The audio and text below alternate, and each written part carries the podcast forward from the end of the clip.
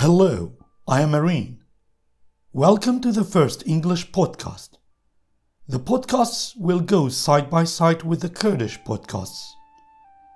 The aim is to help wide range of people around the world.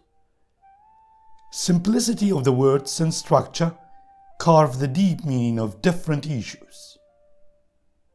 Those who sees truly leaves fully.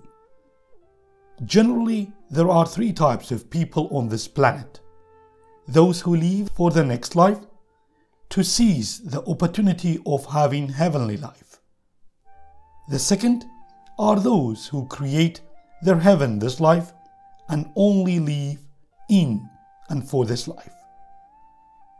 The third ones are those who works for both lives, here and there.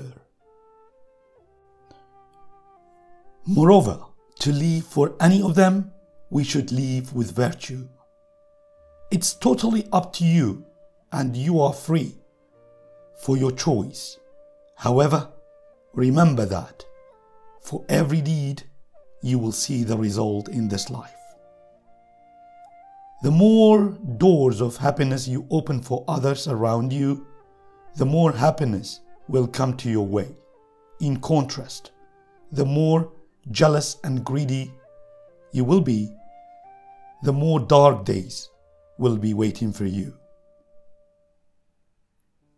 Take it easy if someone is better, happier, higher, and more proficient than you.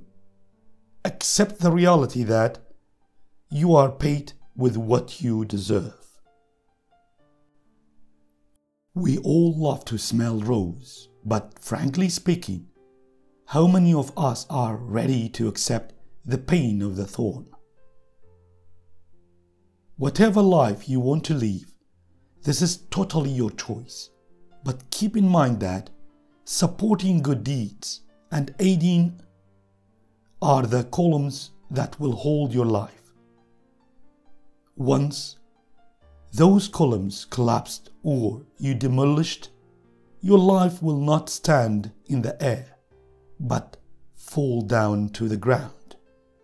So remember, the virtue you will show is to build a strong life.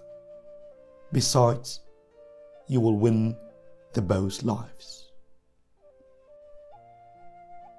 This is the end of today's podcast. Wish you all the best of wishes. Until next topic and next podcast. Stay in peace.